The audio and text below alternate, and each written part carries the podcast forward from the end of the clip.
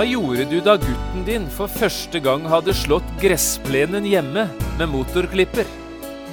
Fokuserte du bare på de feltene der det ikke var helt jevnt slått? Eller hvor mye bensin som gikk med fordi han brukte jo så mye lengre tid enn deg? Eller klarte du å glede deg over utført arbeid, og satte du tydelige ord på det, så gutten din fikk høre det? Jeg bare spør.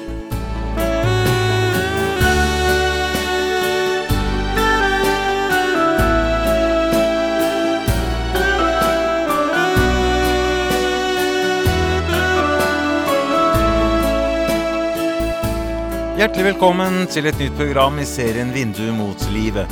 Programmet er produsert av Kristen Riksradio og blir ledet av Jon Hardang. Kristen Riksradio drives av frivillige gaver. Vi er glade for din støtte.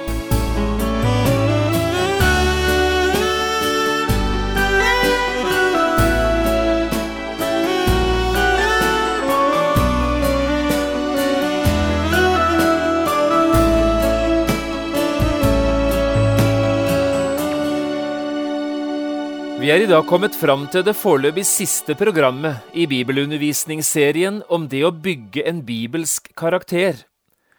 Og det skal også i dag handle om å bygge en bibelsk karakter som mann og som far. Vi snakket i forrige program om en del fristelser som nok kan være farlige for alle slags mennesker, men ikke minst farlige for fedre og for menn. Vi skal gå videre på dette temaet nå i dag og leser igjen fra Jakobs brev, kapittel 1, vers 12-21. Jeg har kalt dagens program Farlige fristelser. Jakob skriver, Salig er den mann som holder ut i fristelse, for når han har stått sin prøve, skal han få livets krone, som Gud har lovt dem som elsker ham. Ingen som blir fristet, må si, det er Gud som frister meg. For Gud blir ikke fristet av det onde, og selv frister han ingen. Men enhver som blir fristet, dras og lokkes av sin egen lyst. Når så lysten har unnfanget, føder den synd. Men når synden er fullmoden, føder den død. Far ikke vill, mine kjære brødre.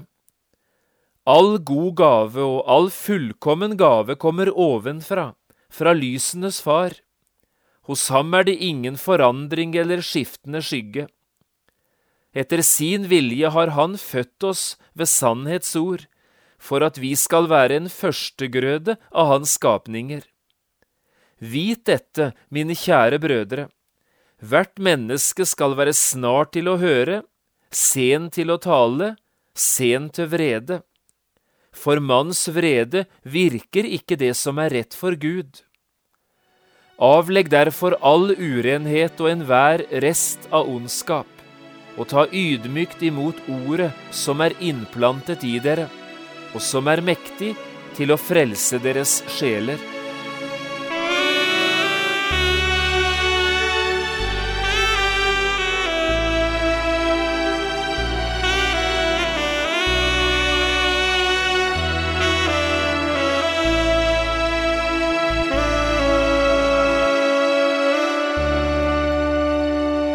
Det er en del ting i livet vi er felles om, midt i all forskjellighet og midt i at det er utrolig mange forskjellige ting vi opplever i livet.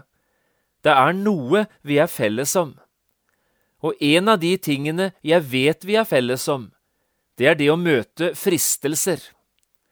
Her er det ingen forskjell på kong Salomo og Jørgen Hattemaker. Her er det ingen forskjell på før og nå og det er ingen forskjell verken når det gjelder kjønn og alder, kultur eller erfaringer. Vi er felles om det å møte fristelser. Og den som sørger for det, det er djevelen, eller Satan, eller den gamle slange, som han også kalles i Bibelen. Når det står her i Jakobs brev at enhver fristes i det han dras og lokkes av sin egen lyst, så betyr bare det at det er i menneskets vonde natur djevelen finner brohode for sine listige angrep. Jeg tror ikke vi skal bruke mye tid på å slå dette fast eller bli enige om det, det er ikke én eneste av oss som ikke vet hva fristelser er for noe. Vi snakket i forrige program om tre farlige fristelser som vi nok kan møte som mennesker, men som i særlig grad er farlige for fedre og for menn. La oss bare gjenta dette her, uten å kommentere det, de tre fristelsene vi da snakket om. For det første, du fristes til å kjøpe ting i stedet for å bruke tid sammen med dem du lever sammen med. For det andre, du tar alltid ut ditt beste på jobben og har bare smulene igjen når du kommer hjem. Og for det tredje, du er mye bedre til å snakke enn du er til å lytte. Derfor snakker du mye og lytter lite. Det kunne være fristende å si enda litt mer om disse tre fristelsene, men den fristelsen skal jeg iallfall klare å stå imot i dag. I stedet skal vi nå gå videre til tre nye fristelser, og det er dem vi skal snakke om her. Den fjerde fristelsen, som vi begynner med i dag, det er denne. Fordi du selv nærmest er perfeksjonist, så krever du også det samme av alle andre. Nå er det ikke sikkert at det er så mange som vil beskrive seg selv som perfeksjonister, men noen av perfeksjonistenes kjennetegn kan det være vi har, en hel del av oss. Jeg tror i alle fall det er ganske mange som prøver å gjøre så godt en kan, i mange ulike forhold og i forskjellige situasjoner. Og det er det selvsagt ikke noe galt i, tvert imot. Det er ikke noe galt i det å prøve å gjøre så god jobb som mulig. Det er ikke noe galt i det å stille store forventninger til seg selv. Og det er ikke noe galt i det å legge lista høyt når det gjelder de krav du har til ditt eget liv. Faren er bare den at fordi du stiller store krav til deg selv, så har du også en tendens til å stille de samme kravene til andre. Og det er her problemene lett oppstår. Når du stiller altfor store krav også til din egen ektefelle, eller når du forventer det samme av dine egne barn som det du forventer av deg selv. Da oppstår problemene. Kanskje kan det være nyttig å si litt om hva som kjennetegner en perfeksjonist. Du skal få noen kjennetegn.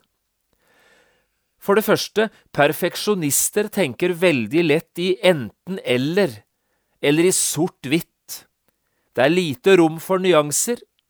Enten er jeg vellykket, eller jeg er en fiasko. For det andre, perfeksjonister har en tendens til å overdrive og til å undervurdere.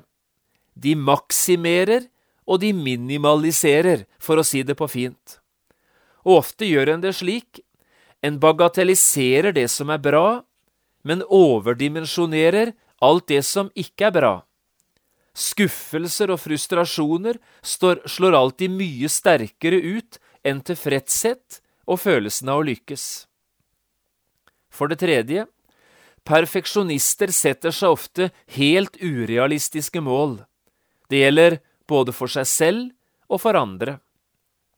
Og det fjerde, perfeksjonister sliter ofte mye mer enn de er villige til å innrømme, med et lavt selvbilde, med lav egenverdi og med altfor små tanker om seg selv.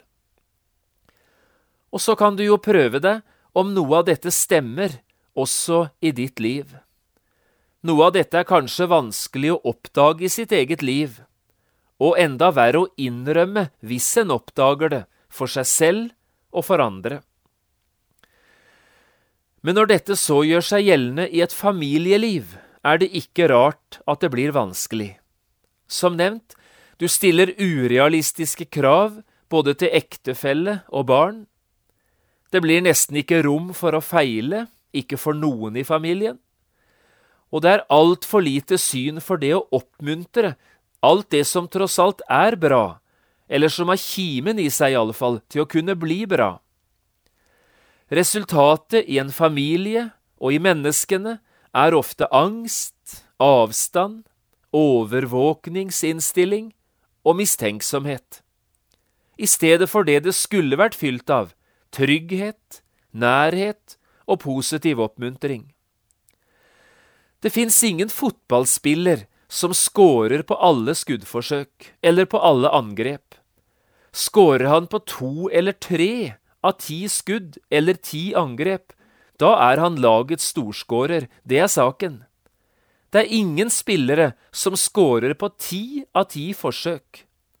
Også en storskårer bommer på sju eller åtte av ti forsøk.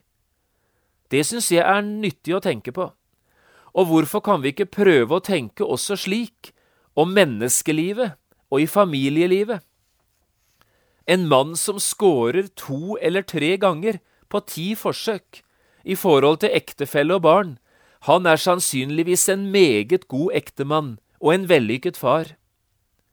Så viktig det er heller å telle våre seire enn alle de tapte slag. Men dette sliter perfeksjonisten med. Gode medmennesker og gode medvandrere vet likevel hvor viktig akkurat dette er. Den femte fristelsen i dag er denne. Du fristes til å tilfredsstille dine seksuelle behov på andre steder enn der du har lov til. Denne fristelsen har altså med seksualitet og med samliv å gjøre. Også her er det fristelser å møte for alle slags mennesker, men ikke minst for fedre og for menn.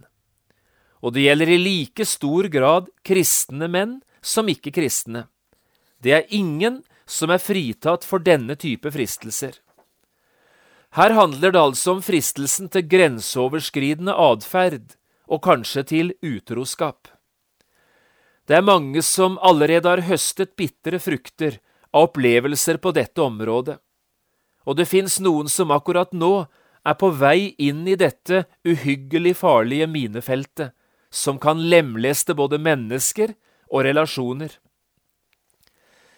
Vi har lest en del fra Salomos ordspråk i de siste programmene.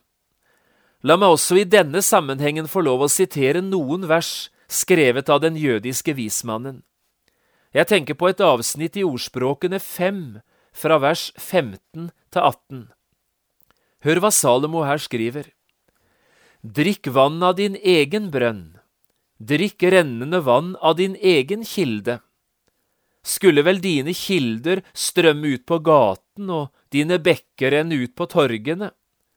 La dem være for deg alene og ikke for fremmede sammen med deg. La din kilde være velsignet, gled deg i din ungdoms hustru. Du forstår dette bildet, gjør du ikke? Bildet av vår egen kilde, det er det området som heter ekteskap og samliv innenfor de trygge og gode rammene som bare et ekteskap kan gi. Og så hører vi om fristelsene utenfor, på gatene og på torgene, altså ved utenomekteskapelige forhold og forbindelser. Også på kjærlighetens område er det nemlig så lett å tenke at gresset er mye grønnere på den andre siden av gjerdet.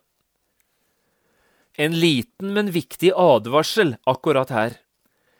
Det er så lett å tenke på alle de andre når vi snakker om ting som dette, på bestemte navn, på bestemte historier, på store skandaler eller hva det er for noe. Men i dag gjelder det altså ikke alle de andre, det gjelder deg, og det gjelder meg. Ikke lur deg selv til å tenke, dette gjelder ikke meg, jeg kommer aldri til å la meg friste til fall på det seksuelle området. Sannheten er jo den at det er stoff i oss alle til å kunne gjøre det meste av alt som er galt, om bare situasjonen og forholdene ligger til rette for det. La oss ikke tenke større om oss selv enn vi har grunn til. Prøv nå å se en gang til på det Jakob her skriver, i vers 13 15, og la oss anvende det han sier, nettopp på de seksuelle fristelsene. Ingen som blir fristet, må si, det er Gud som frister meg. Hva skal vi tenke, da, når det skjer at fristelsen rammer oss. Ja, da må ingen si det er Gud som har ledet meg inn i denne situasjonen, Det er Gud som har ledet meg til dette, ellers kunne han jo ha hindret det. Det la seg jo bare så utrolig fint til rette. Vi møtte hverandre, vi to, på så helt spesielle måter. Slik er det ikke så ganske få som tenker, også om forhold og relasjoner som Bibelen helt klart beskriver som synd og som galt. Hør, dette er ikke Gud. Gud frister aldri noe menneske til det som er galt eller ondt. Det er dine egne lyster som gjør det vanskelig for deg. Det er fristelsen utenfra som tenner lysten innenfra i deg selv. Og hvis du ikke gjør noe med den lysten før det er for seint, ja, så faller du i fristelsen. Og det er det Jakob skriver her. Men enhver som blir fristet, dras og lokkes av sin egen lyst. Når så lysten har unnfanget, føder den synd, og når synden er fullmoden, føder den død. Gud tillater altså at farlige situasjoner kan oppstå, men han har gitt deg og meg ansvaret for vårt eget liv, og han sier det til oss, du skal være herre også i denne situasjonen, du har fått et hode for å bruke det, du har fått din egen frie vilje, og nå må du ta ansvar, både for deg selv og for andre. Josef, denne flotte bibelske karakteren fra første Mosebok, havnet en dag i en slik situasjon, alene i huset sammen med Potifars hustru. Her ble Josef fristet til utroskap og til synd. Kan du huske hva Josef gjorde i denne situasjonen? Han flyktet. Han kom seg unna den situasjonen der han ellers, før eller siden, ville ha falt. Akkurat slik skal også du prøve å oppføre deg. Hold deg unna de situasjonene der fristelse til grenseoverskridende atferd og kanskje utroskap oppstår. Flykt fra de situasjonene der du vet at du risikerer å falle. Det er ingen due som tar kampen opp mot en hauk. Duens eneste redning er å komme seg inn i et skjulested før den blir tatt, ellers er duen dødsens. Det er dette det handler om her, når det gjelder denne femte farlige fristelsen, flykt fra fristelsessituasjonen, og gå så til Jesus med nederlaget når det gikk galt. Legg også nederlag på dette området inn under hans tilgivelse og nåde, og ta siden det oppgjøret som må til, både med Gud og kanskje med mennesker. Den sjette fristelsen, og den siste i dag, er denne.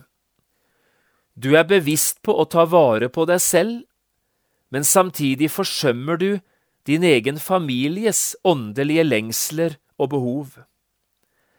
Denne siste fristelsen er av en helt annen karakter enn alle de fristelsene vi har tatt fram til nå. Dette er en fristelse som hører det åndelige området og det åndelige livet til. Etter Guds skaperordning er det mannen som er hodet, og den som har hovedansvaret også i sin egen familie. Dette gjelder på mange ulike områder i et hjem og i en familie, og også på det åndelige området. Det er du som far som har ansvaret for å gi din familie muligheter for åndelig vekst og utvikling. Det er du som far som skal sørge for å gi dine egne åndelig næring. Og det er du som har ansvaret for å dekke deres behov for åndelig fellesskap, både hjemme og i en kristen forsamling. Målet er klart, et sunt åndelig liv som kristen for alle i familien, og en aktiv tjeneste for Gud i denne verden. I en travel, nesten overaktiv tid er det fristende å nedprioritere denne åndelige siden ved familielivet. Det krever så mye, en orker ikke, og en føler en ikke har tid til det.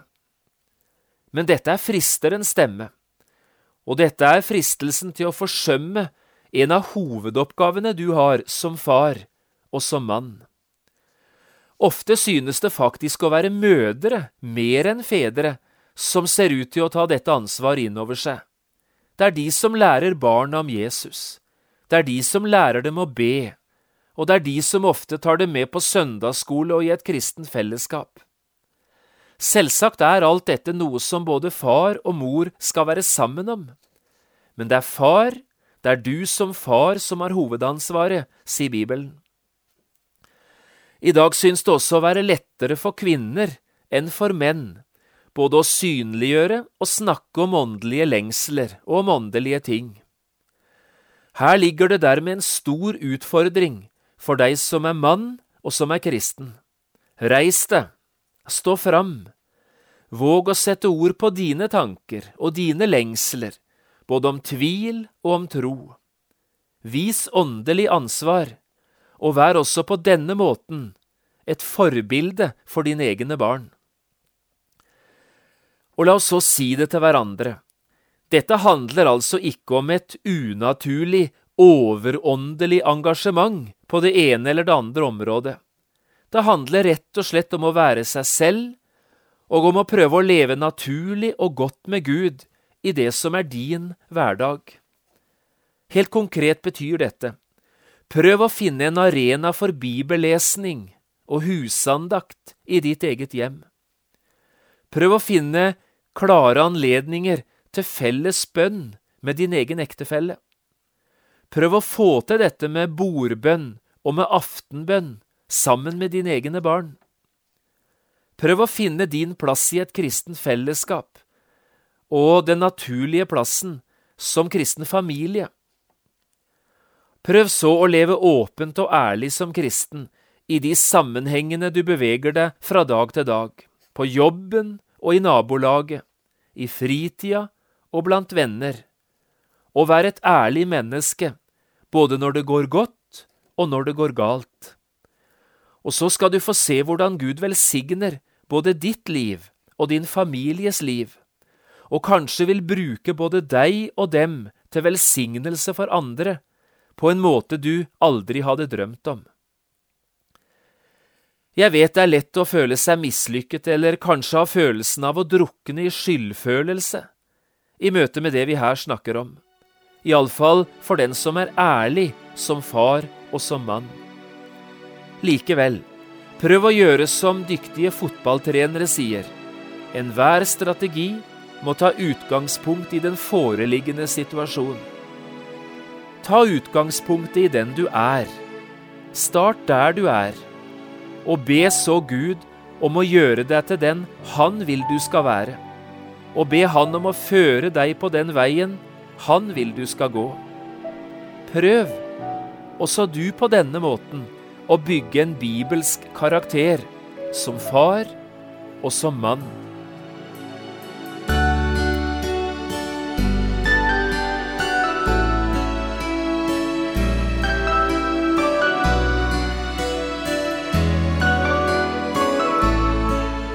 Du har hørt på et program fra serien Vindu mot livet med John Hardang.